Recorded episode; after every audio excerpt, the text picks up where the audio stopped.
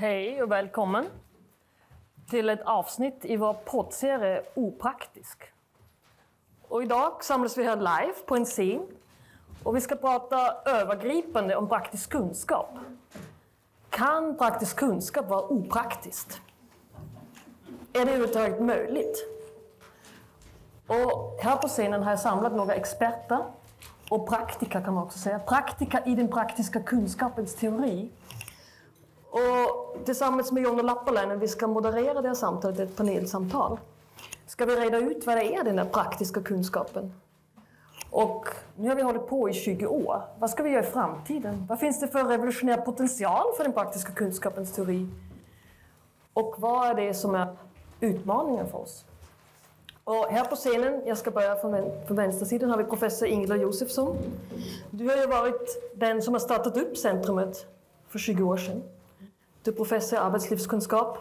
Ja, men det har jag tagit bort för länge sedan. Det har du tagit bort för länge Det sedan. är så tråkigt så klockorna stannar. Är det så tråkigt? Ja, det är bättre att kalla det för professor i praktisk kunskap. Du är professor i praktisk kunskap. Ja, Och du är också verksam på Stockholms konstnärliga högskola. Ja. Innan hette det dans och cirkushögskola. Det lät lite... Nej, nej, nej. nej, det heter inte nej, så. det är en missuppfattning. Det är en missuppfattning. Vi börjar podden redan med, med olika missuppfattningar. Det är väldigt opraktisk. Stockholms konstnärliga högskola. Stockholms konstnärliga högskola, punkt. Men i alla fall, du har skrivit en rad böcker också. Bland annat om läkarens yrkeskunskap och kunskapens olika former. Och du är här idag för att ah, fira tillsammans med oss. Det har varit 20 år. Är För ganska- att jag är en fossil skulle jag tro. Som har varit med Är det så? början. Ja, det får vi se. Men tack att du är här, det är jättekul att se dig. Vi har setts många gånger, men det var länge sedan som vi vet som vi kunde ses tillsammans här. Tack. Och så har jag bredvid mig har jag Jonna Lappaläinen, min kära kollega. Ska tillskriva dig vem du är. Du är filosof och docent i den praktiska kunskapen. Och du forskar tillsammans med mig om kollektiv yrkeskunskap just nu.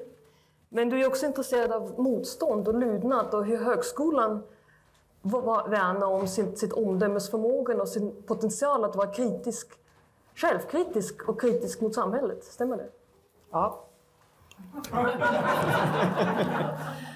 och bredvid mig har jag Fredrik Sunéus. Du är också filosof och du är professor i praktisk kunskap. Praktiska kunskapens teori. I den praktiska kunskapens teori, för att få det helt rätt. Ja, jag är opraktisk på det sättet. Det är väldigt opraktiskt. Det är väldigt opraktiska yrkestitlar här tycker jag. Det försvårade min roll redan från början. Men jag borde ha skrivit ner det helt korrekt såklart. Och det gjorde jag tror jag, men man borde titta också på det man skrivit ner. Men du har ju också varit föreståndare för Centrum för praktisk kunskap. Stämmer det att du tagit över pinnen från Ingela, mer eller mindre? Ja, Efter en fas av kaos? Li- Lisa, Lisa Öberg som också är här var också en kort, fas, en, en kort tid och även någon annan. Eh, Men ja, det, det, var lite, det var lite kaosartat då faktiskt. Ja. Men eh, ja, jag lyckades 2006. Ja. Eh, Få in några goda spelare och bygga ett nytt lag. Liksom. Som Ja. sen har utvecklat sig väldigt bra. Vi har ju växt och det har varit väldigt roligt att se. Jag kom ju hit 2009. Skulle du räkna mig till de goda spelare också? Absolut. Ja. Du, du är en av, en av nyckelspelarna. Jag vet inte om du är center eller back, men det är alltså något. Så. Ja. Vi delade kontor i början. Det tyckte du var lite opraktiskt, eller? Men det ska vi inte berätta vad problemet var. Nej. Nej. Jag åt lite mycket kebab på den tiden. Det var innan jag blev vegetarian. Men du forskar ju också om olika saker. Medicinsk humaniora, det är liksom din fält ett fenologiskt perspektiv. Men du forskar också om lidande och känslor, det är något tema som... Och eh, diagnoser, Mm. Och med mycket olika saker. Ja, men mycket ligger inom ramen för liksom, medicin och vård och praktisk kunskap där. Och, ja, sjukdom och diagnoser och såna grejer som du sa. Döden hade vi en podd om till exempel som Ja. du nämnde förut. Jag minns det. Mm. Det var en bra podd. Det var en bra podd. Det var en bra podd. Alla poddar var bra. Visste ni att man stavar podd med ett D? Ja, det är jättekonstigt. Det är jättekonstigt. Det har jag gjort fel i många, många i mina utskick. Ja, men tack Fredrik att du är med och, och ställer upp här. Och så har vi här längst ute vid högra kanten har vi Christoph Kaspersak. Du är också filosof på Centrum för praktisk kunskap. Också filosof. Ja, du har inte varit föreståndare men du har också varit med ett tag nu, eller? 2017, 2017? tror jag. Ja. Tillsammans med några andra här Ja. kom vi in. Och du har ju eh, skrivit en avhandling, det står jag skrivet på första sidan, men den handlar ju om fenomenets negativitet.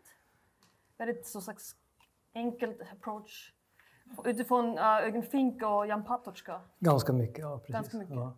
Men det som... Jag är fortfarande lite generad lite blyg, lite blyg inför när jag ser den någonstans. Sådär, liksom. Jag har gått några år, jag har knappt öppnat den. Är det så? Sen ibland öppnar jag den. Fan, så jävla dumt var det inte. Men jag vet att om jag inte stänger den ganska snart så kommer jag hitta hemska grejer. Ja. Ja, Okej. det här blir lite så här terapisession. Ja. Avhandlingsarbete. Säljer vi din avhandling här, tror du? Så ni, om, ni, om den finns här kan ni köpa den och kolla om det stämmer. Va? Jag tror den är väldigt bra.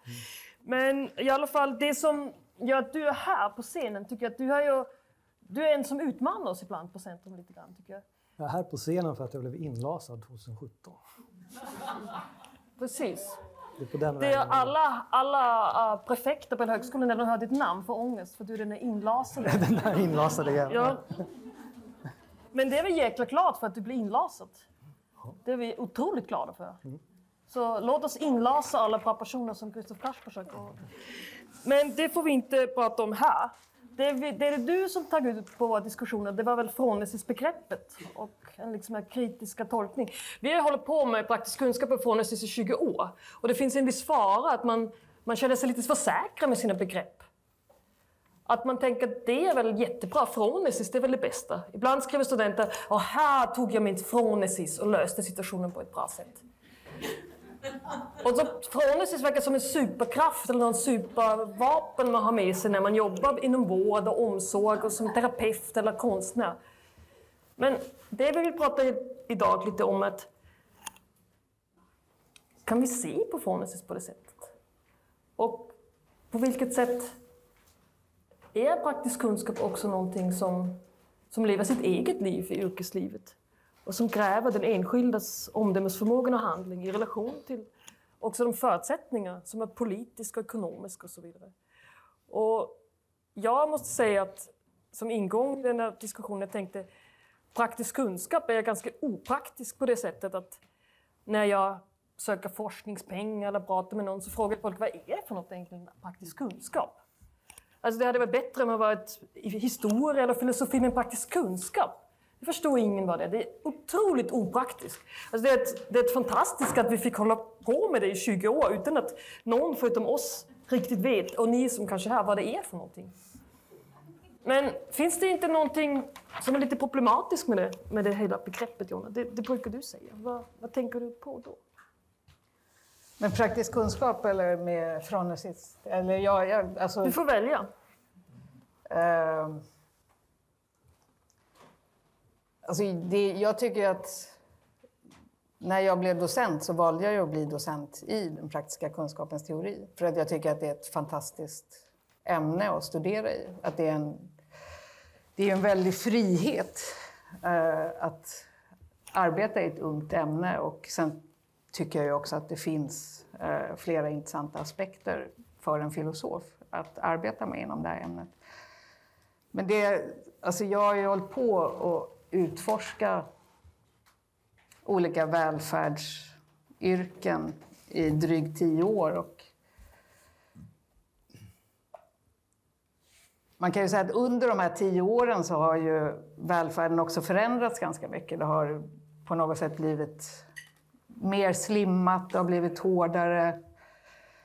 Det är mycket tal om ekonomiska aspekter och effektivisering och eh, Det har ju också varit arbetsvillkoren för de som jobbar inom offentlig sektor har ju på något sätt blivit hårdare under de här åren som jag har arbetat med det. Och, eh, och i den här, att liksom arbeta med Phronesis-begreppet inom en offentlig verksamhet tycker jag har varit otroligt värdefullt. Och jag tycker också att till exempel Phronesis-begreppet kan vara eh, fantastiskt att närma sig en eh, yrkesgrupp med som är utsatt under press. Eh, för att genom att studera de professionellas möjlighet att utöva sitt professionella omdöme eller att om det, om det finns ett utrymme att utöva en frenetisk förmåga eller den här typen av kunskap. Att komma från vårt håll, från praktisk kunskap och titta på det, då kan man ju på något sätt lyfta att, att det inte är individer som gnäller över att arbetsvillkoren har försämrats. Det finns ju naturligtvis individer som gör det och ofta är det ju bra eh, att man reagerar när det blir sämre. Men jag tycker att det som perspektivet av praktisk kunskap ändå tillför är att man kan visa att det handlar om faktiskt om att de här yrkesgrupperna, deras arbete blir inte lika bra eh, när man närmar sig det utifrån Fronesis. Att om, om människor inte får möjlighet att utöva sitt professionella omdöme så försämras väldigt många av de här verksamheterna. Så jag tycker att praktisk kunskap har en förmåga att, att också med hjälp av Fronesis och andra teorier lyfta att det finns eh, någonting strukturellt i att de här individerna inte får använda sitt professionella omdöme.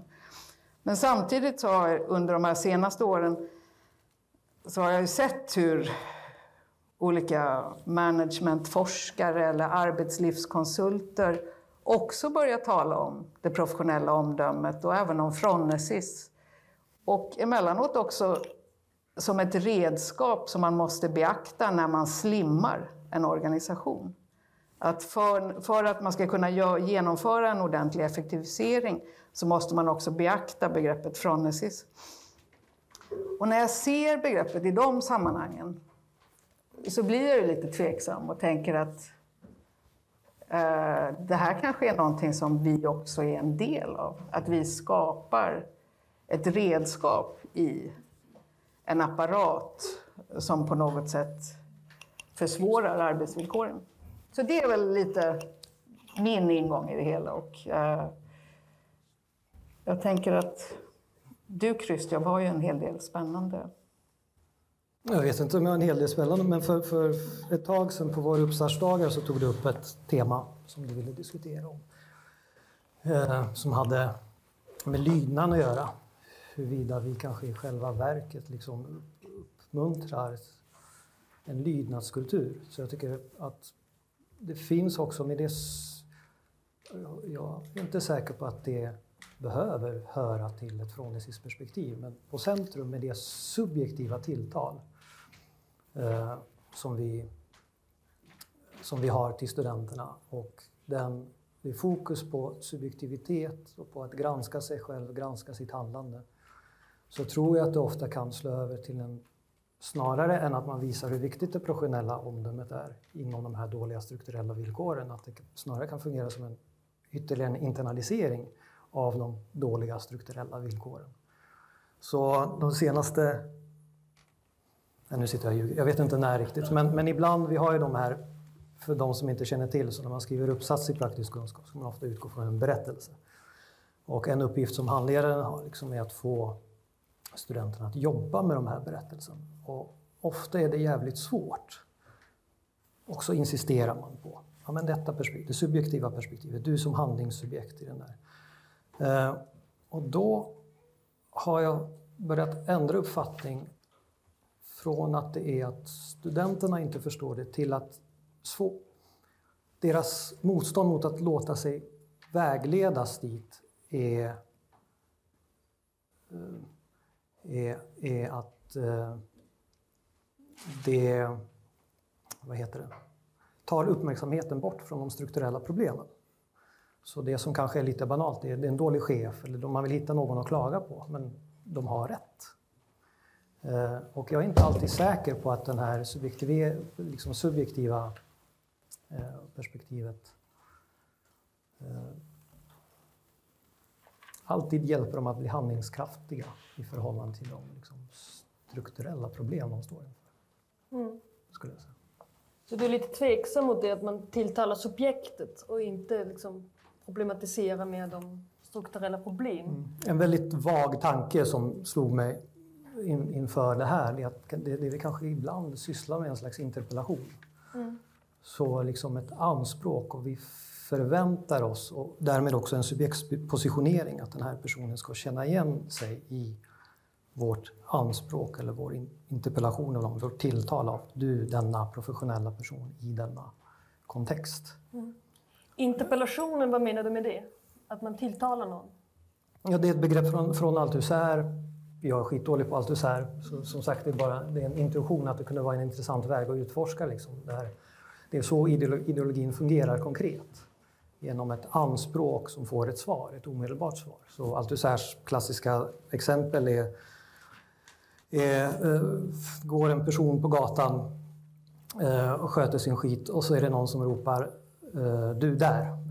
Så vänder sig den personen om och det är en polis som har ropat. Och direkt så öppnar det upp sig liksom en kontext av eh, eventuell skuld. Hur har jag handlat? Eh, vad är min position i det här sammanhanget? Eh, som samtidigt också är ett erkännande av polisens eh, maktposition. Ja. Så, så kanske lite för ofta ibland vi hamnar, liksom blir en slags poliser på det sättet. Så du menar när vi läser, vi, vi frågar någon förskollärarstudent eller någon, någon socialarbetare om en, en situation som har hänt i dens arbetsliv så tilltalar vi den personen. Hej du, vad, vad, vad gjorde du då under den där... Precis, utifrån vad de får för förväntning på vad de ska söka efter. Eh, där jag tror att det är ett visst problem att Phronesis har blivit, det är därför vi har haft lite seminarium, att gått, liksom 20 år har gått och det är på något sätt Phronesis eh, har tappat om det nu ska vara ett sådant grundbegrepp liksom, i, i det här sammanhanget så måste man hela tiden gå tillbaks och utmana. Liksom. Oundvikligen så går någonting förlorat när man bara jobbar på Ja. måste gå tillbaks till de begreppen eh, och eh, ifrågasätta vår förståelse. kanske finns saker där som vi inte har sett. Ingela, du, du har börjat med det hela för 20 år sedan och det var, som jag förstod det var det ditt arbete med bland annat undersköterska som... Nej, det var att jag... eh, Ja, det var det igen. Jag, jag, hade, eh, jag fick jobb som forskare på Arbetslivscentrum i Ja. Stockholm. Och då hade jag en bakgrund som jag hade disputerat i nordiska språk. Det låter inte så lockande som filosof, men så var det. Men det är ändå tydligt, man vet precis vad det är. Nej, det vet man inte. Inte? Nej, för Okej. att det var bara en fix idé i den här du vet, eh, eh, nationalromantisk anda. Okej. Att nordiska språk, de nordiska språken ska hålla samman. I själva verket är det språkvetenskap. Ja. Okej. Ja. Så det är den bakgrunden jag har. Men jag började på Arbetslivscentrum som forskare och kom då omedelbart i kontakt med fallstudier, fältstudier, väldigt konkreta med olika yrkesgrupper i, i samhället. Och de första som jag kom att jobba med då, det handlade om handläggarna på de svenska försäkringskassorna. Och det var ett stort projekt som pågick som undersökte hur människor i arbetslivet påverkade, påverkades av avancerad teknik. Det som vi pratar om så mycket idag, om som artificiell intelligens. Det var där det hade sin början. Och det vi upptäckte då, när vi studerade relationen mellan människor och teknik, var att för många praktiker med kravet på sig att beskriva alla delar av sitt yrkeskunnande så visade det sig att det fanns gränser för dem i ett exakt och precist språk beskriva vad de kunde i sitt yrke. Och denna kunskap som vi ju har med omdöme att göra, det var den vi började jaga. Vad är det för skillnader mellan människa och maskin. Hur kan vi komma åt den här omdömeskunskapen? Hur kan vi beskriva den? Hur kan vi fånga den? Och det var så vi kom att prägla det här begreppet tyst kunskap. För vi, med det avstod vi en kunskap som inte lät sig formulera i ett exakt, precis språk. Vi tyckte det var ganska fyndigt när vi började med tysk kunskap. Men nu under årens lopp har jag blivit mer kritisk mot begreppet. Det ligger för nära vardagsspråket.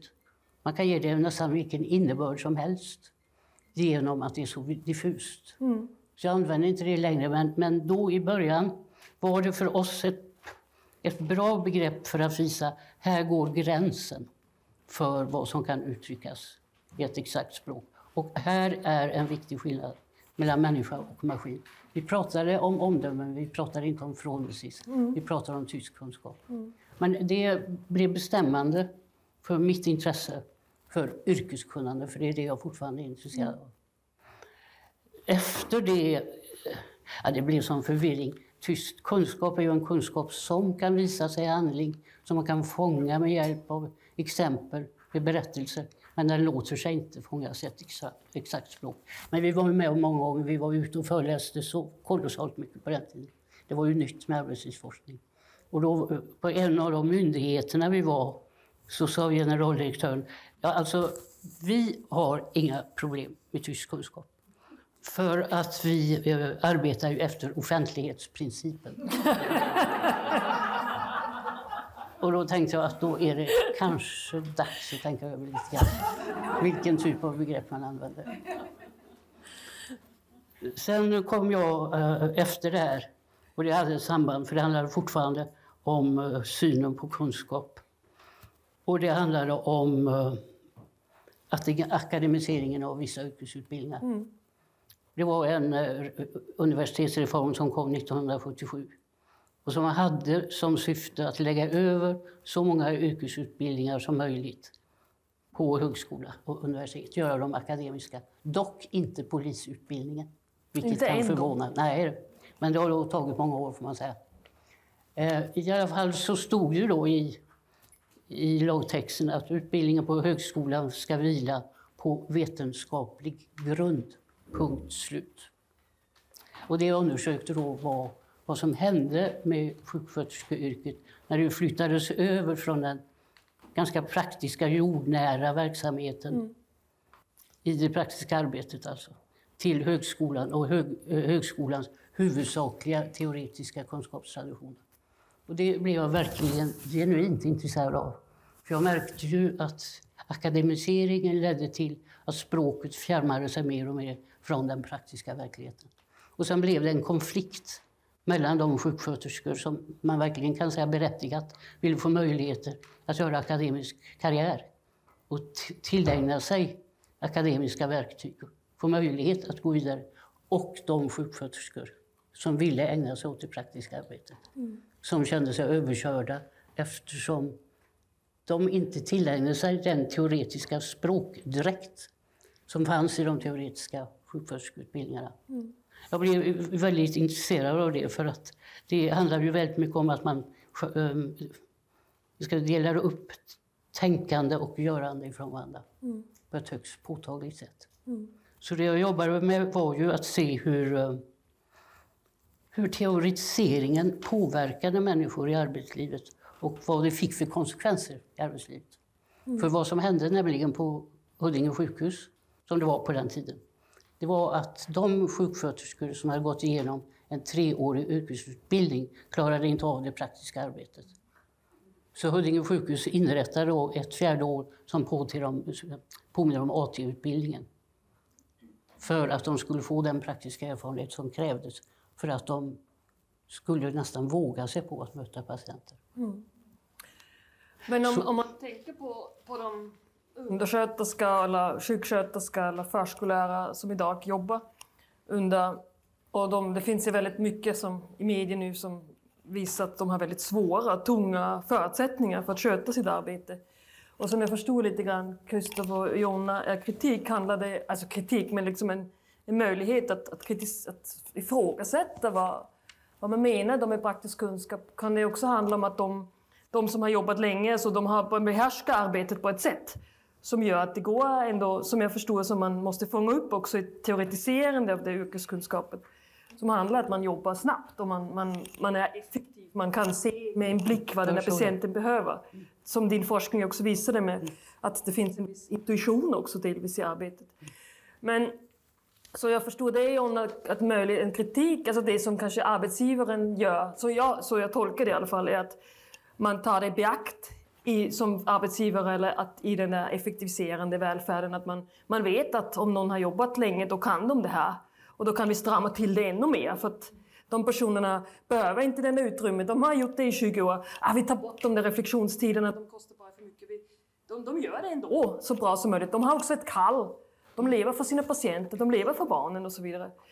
Ja, fast det finns ju också ett problem med att man i, i, den, här, alltså i den här åtstramningen av organisationer när man slimmar arbetsuppgifter och så, så en strategi som är ganska vanlig är ju att man tar eh, och definierar det som ett problem med inre motivationer. Alltså att vi måste, vi måste få dem att känna stolthet över mm. arbetsplatsen, vi måste få dem att tycka om den här arbetsplatsen. Då blir det lättare för dem.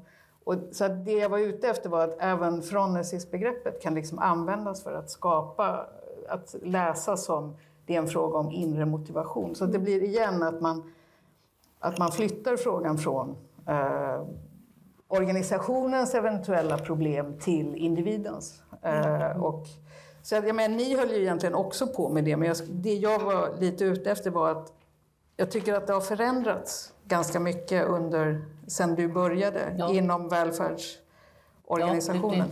Ja, men jag skulle gärna vilja ha två kommentarer. Fråga som jag ställer till Centrum som det ser ut idag. Okej. Okay. Ja. Men jag, jag ska jag tänker på det, men jag ska väl släppa in Fredrik, för du hade lite tankar kring det med, med relationen med individen och det med strukturerna som har gått åt helvete. Ja, ja, men tiden, är, tiden är kort. Liksom. Men, uh, alltså jag tror att praktiska kunskapens teori, det har ju redan från början handlat om att försöka ge språk åt praktisk kunskap. Eh, mm. och ett språk som då in, ligger närmare eh, praktikerna, vad de gör, deras problem, än eh, det som har liksom upparbetats i många olika typer av vetenskapliga modeller. Det var ju liksom idén från början. Och jag tror att när man arbetar med ett, ett sånt språkliggörande, vilket jag tror är ett väldigt viktigt arbete, att, att få språk för det man kan, eh, det är också att få makt i någon mening. Alltså, så det, det, är att försöka mäktiggöra sådana som inte har makt genom att mm. de får begrepp. Men när man gör det, när man vänder sig till Aristoteles, Phronesis, man vänder sig till Wittgenstein som ni gjorde i början, när man vänder sig till liksom, fenomenologer och hermeneutiker som jag andra har gjort på Centrum. Då tror jag alltid att det finns, det finns en slags risk för, för eh, fetischisering, alltså att man, man gör fetischer. Och, och Fronesis är ett exempel på det, att det blir, det blir begrepp som man liksom slänger sig med och, och liksom egentligen ja, använder på ett sätt som inte är speciellt eh, undersökande längre. Och det tror jag det, man måste hela tiden Eh, liksom kämpa för att hålla den här reflektionen levande och inte liksom nöja sig med de här begreppen. Därför att då kan det hända som Jonna och och, är inne på, att då kan, ju, då kan ju andra snappa upp de här begreppen och erbjuda en kurs på en hel dag. Liksom. Eh, det har ju hänt med empatibegreppet till exempel. Och Phronesis är ju helt eh, analogt.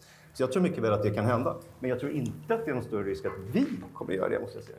Jag tycker liksom hela tillvägagångssättet med att utgå från dilematiska situationer och teoretisera dem på olika sätt. Jag, jag känner mig inte, det känner mig inte speciellt liksom, eh, orolig för. Eh, men vi måste, vi måste liksom hela tiden sträva efter att, att, att liksom söka, att söka nya begrepp. Jag tror faktiskt att ett sånt här begrepp som till exempel yrkesstolthet, som du pratade om som ett, ett, begrepp som kanske blir approprierat, jag tror att det är ett otroligt viktigt begrepp idag.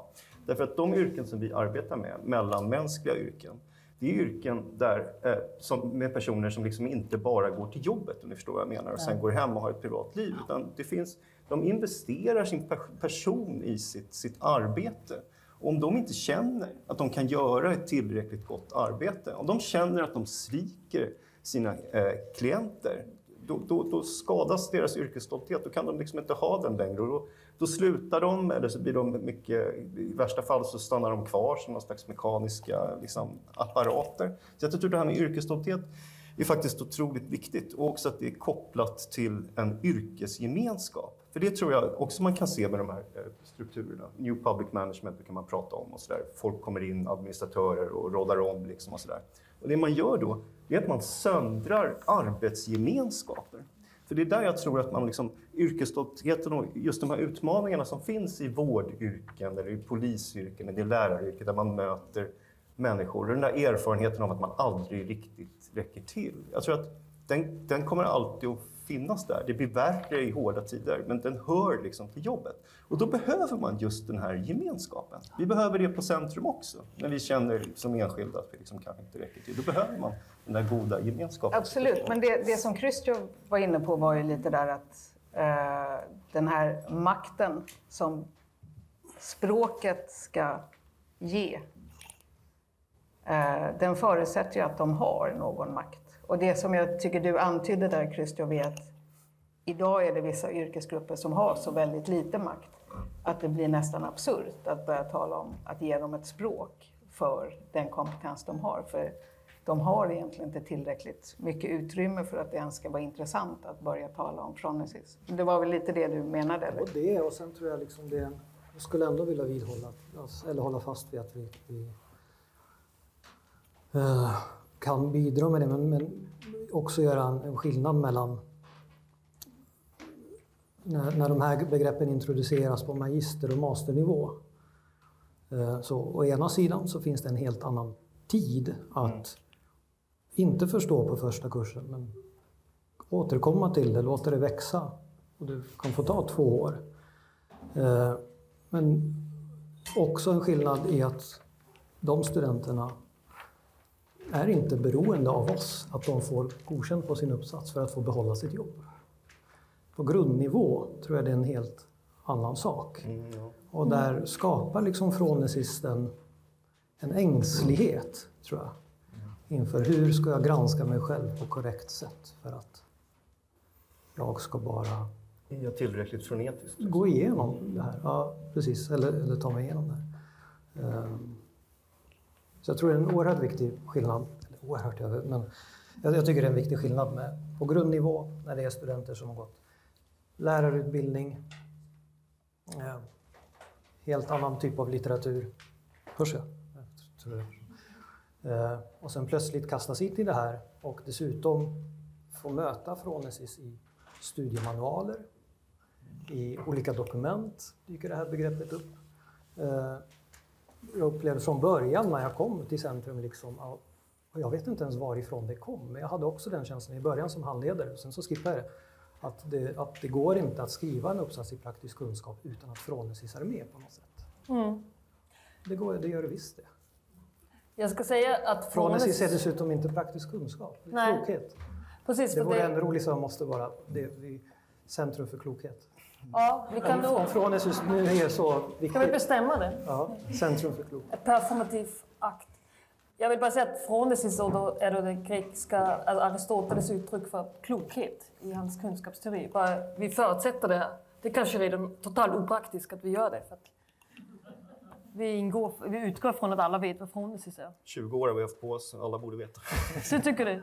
Ja, det var, var liksom mått om vi har lyckats eller misslyckats. Eller tvärtom, om ingen vet vad frånesis är, då har vi lyckats kanske. För det är det som krävs. Jag förstår det att man upprätthåller ett frågande.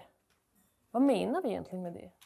Och Ingela, du hade några frågor till oss. Det tycker jag det låter bra. Du, du måste, du måste komma och säga vad håller vi på med egentligen? Ja, du måste utmana Du måste utmana oss Jag kan i alla fall jämföra med vilka idéer vi hade när vi började här. Okay. Eh, och um, jag, har, jag ser mitt arbete som ett bildningsprojekt. Mm. Eh, att med hjälp av olika verktyg, också litteraturen, träna folk i kritiskt tänkande. Mm. Eh, det, är, det är det första. Och då hade vi också idén om att det är väldigt viktigt att arbeta mångvetenskapligt. Mångvetenskapligt? Mm, ja. Och det var ju profilen från början på Södertörns högskola. Ja mångvetenskaplighet, mångkulturalitet och medborgerlig bildning. Tycker du vi har misslyckats med det? Filosof, filosof, Säg, jag filosof, kommer filosof. inte med några anklagelser. Jag, jag, bara frågar vad har det blivit av och ser ni på ett annat sätt? Så tänker jag. Men, men det är min reaktion ja. från när jag tänker på hur det var när vi började. Och sen är jag faktiskt inne på um, det som eh, Fredrik var inne på också. Att, att skriva essäerna, det krävs ju ett enormt slitande och arbete med texterna. Så att de ger rättvisa åt den praktiska erfarenhet man vill beskriva. Ja. Det gör man inte på ett nafs. Nej. Utan jag tror att det här skrivandet och tränandet i skrivandet måste få ta en väldigt stor del av till exempel masterutbildningen. Och för egen del så försöker jag undvika begrepp som fronesis, ärligt talat. För att det, det, det kan, du antyder det också Fredrik, det kan gå troll i det, bara blir som chops, täcker allt och inget. Så därför tycker jag man ska vara lite omsorgsfull med begreppsbildningen och vad det är för typ av begrepp man tar in. Det har jag funderat på och det försöker jag som sagt undvika. Jag, jag är inte säker att jag har rätt, men det är så jag har tänkt i alla fall. Ehm, men det här med, med språket, att man tränar det här fullödiga, utarbetade språket som man får jobba väldigt mycket med. Men det ger förutsättningar till mer nyanserade beskrivningar, tycker jag. Än om man bara tar det med lätt hand. Det är inget att ta med lätt hand. Det är jobbigt och det måste ta tid. Och sen tycker jag också att den teoretiska litteratur, eller skönlitteratur, som vi använder för att få draghjälp till tolkandet av texterna, de egna texterna, de är ju en väldigt viktig del av undervisningen också. Mer skönlitteratur, skönlitteratur och dramatik som kan hjälpa oss att utveckla tänkandet också samtidigt. Ja, men det har jag tänkt mycket kring och det har vi pratat också mycket det med den praktiska kunskapens teori. Att det finns en fara, att en slags överteoretiserande, alltså att man, att man, att man ser teorin för teorins skull, men att man, man, man missar just de första stegen, att verkligen utforska handlingssituationerna på ett förutsättningslöst sätt på något sätt. Att man ser vad är det problemet, vad är det som står på spel. Ja, att det blir ett filosofiskt projekt mer än ett bildningsprojekt där människor får arbeta med sina tankar och sitt skrivande. Jag undrar varför ni nästan enbart anställer filosofer. Det var elakt sagt, för det görs nästan inte gör. Men ni ställer, anställer kolossalt mycket filosofer. Och med mina ursprungliga tankar så var det just mångvetenskapligheten som var en stor poäng för att få in perspektiv från olika håll. Vi hade samtidshistoria, vi hade idéhistoria. Fast I ja. vår sista anställning så jobbade vi på att inte anställa filosofer, men då kom Chrusjtjov och blev inlasad. Så att, eh, så att vi jobbade i din anda i alla fall. Det är inte vilka filosofer som helst. Men det är inte, det är inte en viss, det är ganska ovanliga filosofer i en svensk kontext i alla fall. Så att säga. Så det bör man väl också säga. Men kan det inte finnas en poäng i att försöka att bredda? Så Jag tror inte det, att det är tänkbart att praktisk kunskap kan bli ett ämne om det bara så satsar så på en homogen grupp. Jag tycker det. Men om jag får säga någonting så, så är vi också mitt i en generationsväxel kan man säga. Vi har ju här i rummet de doktoranderna i den praktiska kunskapens teori som har med sig olika yrkesbakgrund. Vi har, någon, alltså vi har olika, vi har lärare, vi har uh, Maria Pöckelöv var, var dansare, vi har ju liksom en barnmorska, vi har, lite, vi har haft en läkare som precis disputerat. Så det är ju den nya generationen av den, de som forskar i den praktiska kunskapens teori, de är inte filosofer. Det är en ganska unik situation faktiskt att vi kommer, jag pratade om det, om, ska vi sitta här om 20 år, då kanske förmodligen de, vi kanske har, vi har gjort vårt. Liksom. Men att det finns en ny generation forskare i den praktiska kunskapens teori som både är yrkesverksamma och har denna forskarutbildning i praktisk kunskap med sig. Så jag tänker, även om man kan anklaga för oss att vi har, har ett gäng filosofer, så är det någonting som, som redan är under utbyte. Alltså det är någonting som händer redan i... Så det blir jättespännande att se. Ja, men det tycker jag är en sund utveckling och jag säger det inte som kritik, jag bara noterar. Ja. Nej, men det är bra om du kritiserar oss. Det, det är alltid den värsta kritiken när folk noterar. Men, men man måste ju säga att mycket av de liksom dilemman som vi utforskar, de här situationerna som vi utforskar, också det som handlar om relationen mellan strukturen och liksom mötet och så. Eh, Ja, det är ju delvis liksom moralfilosofiska och existentiella och kunskapsteoretiska frågor. Så det är inte så konstigt att filosofi kommer in liksom, när man ska teoretisera det. Men får jag fråga dig, Jag skulle också vilja Christer? säga Ja. kort om det här med mång... Ändå, vi kanske inte behöver fler filosofer, men centrum, det här med mångvetenskap kan lätt utmynna en sorts ytlig eklek- eklekticism, säger man så? Eh, och jag tror att centrum, även om det inte behövs fler filosofier, filosofer, så behöver centrum filosofin. För att hela tiden gå tillbaks till grundfrågorna. Eh, så mångvetenskap finns problem i det också. Ja. ja. Jag ser att tiden är redan vid sitt slut. Men vi ska jobba på det, Ingela, vi lovar. Och vi ska också jobba på det att inte förlita oss på våra begrepp. Eh, Inga begrepp och inga filosofer i framtiden. Ska jag skriva upp det på mina... Jag tog med en penna för jag tänkte jag kanske måste anteckna någonting. Det känns lite som jag bortrationaliserar mig själv nu på vara så, det kan vara 20-årsdagen. Och det vill jag faktiskt inte. Nej. Men det jag vill göra är att jag vill gärna tacka att ni ställde upp för det här samtalet. Uh, to be continued skulle jag säga. Vi har ju 20 år på oss till. Kanske. Kanske. Om vi... Ja, vi har, det är bara en, ett glas vin så vi ska hålla oss hälsosamma. Men stort tack. Um, Tack själv. Tack ska du ha för att du driver den här podden.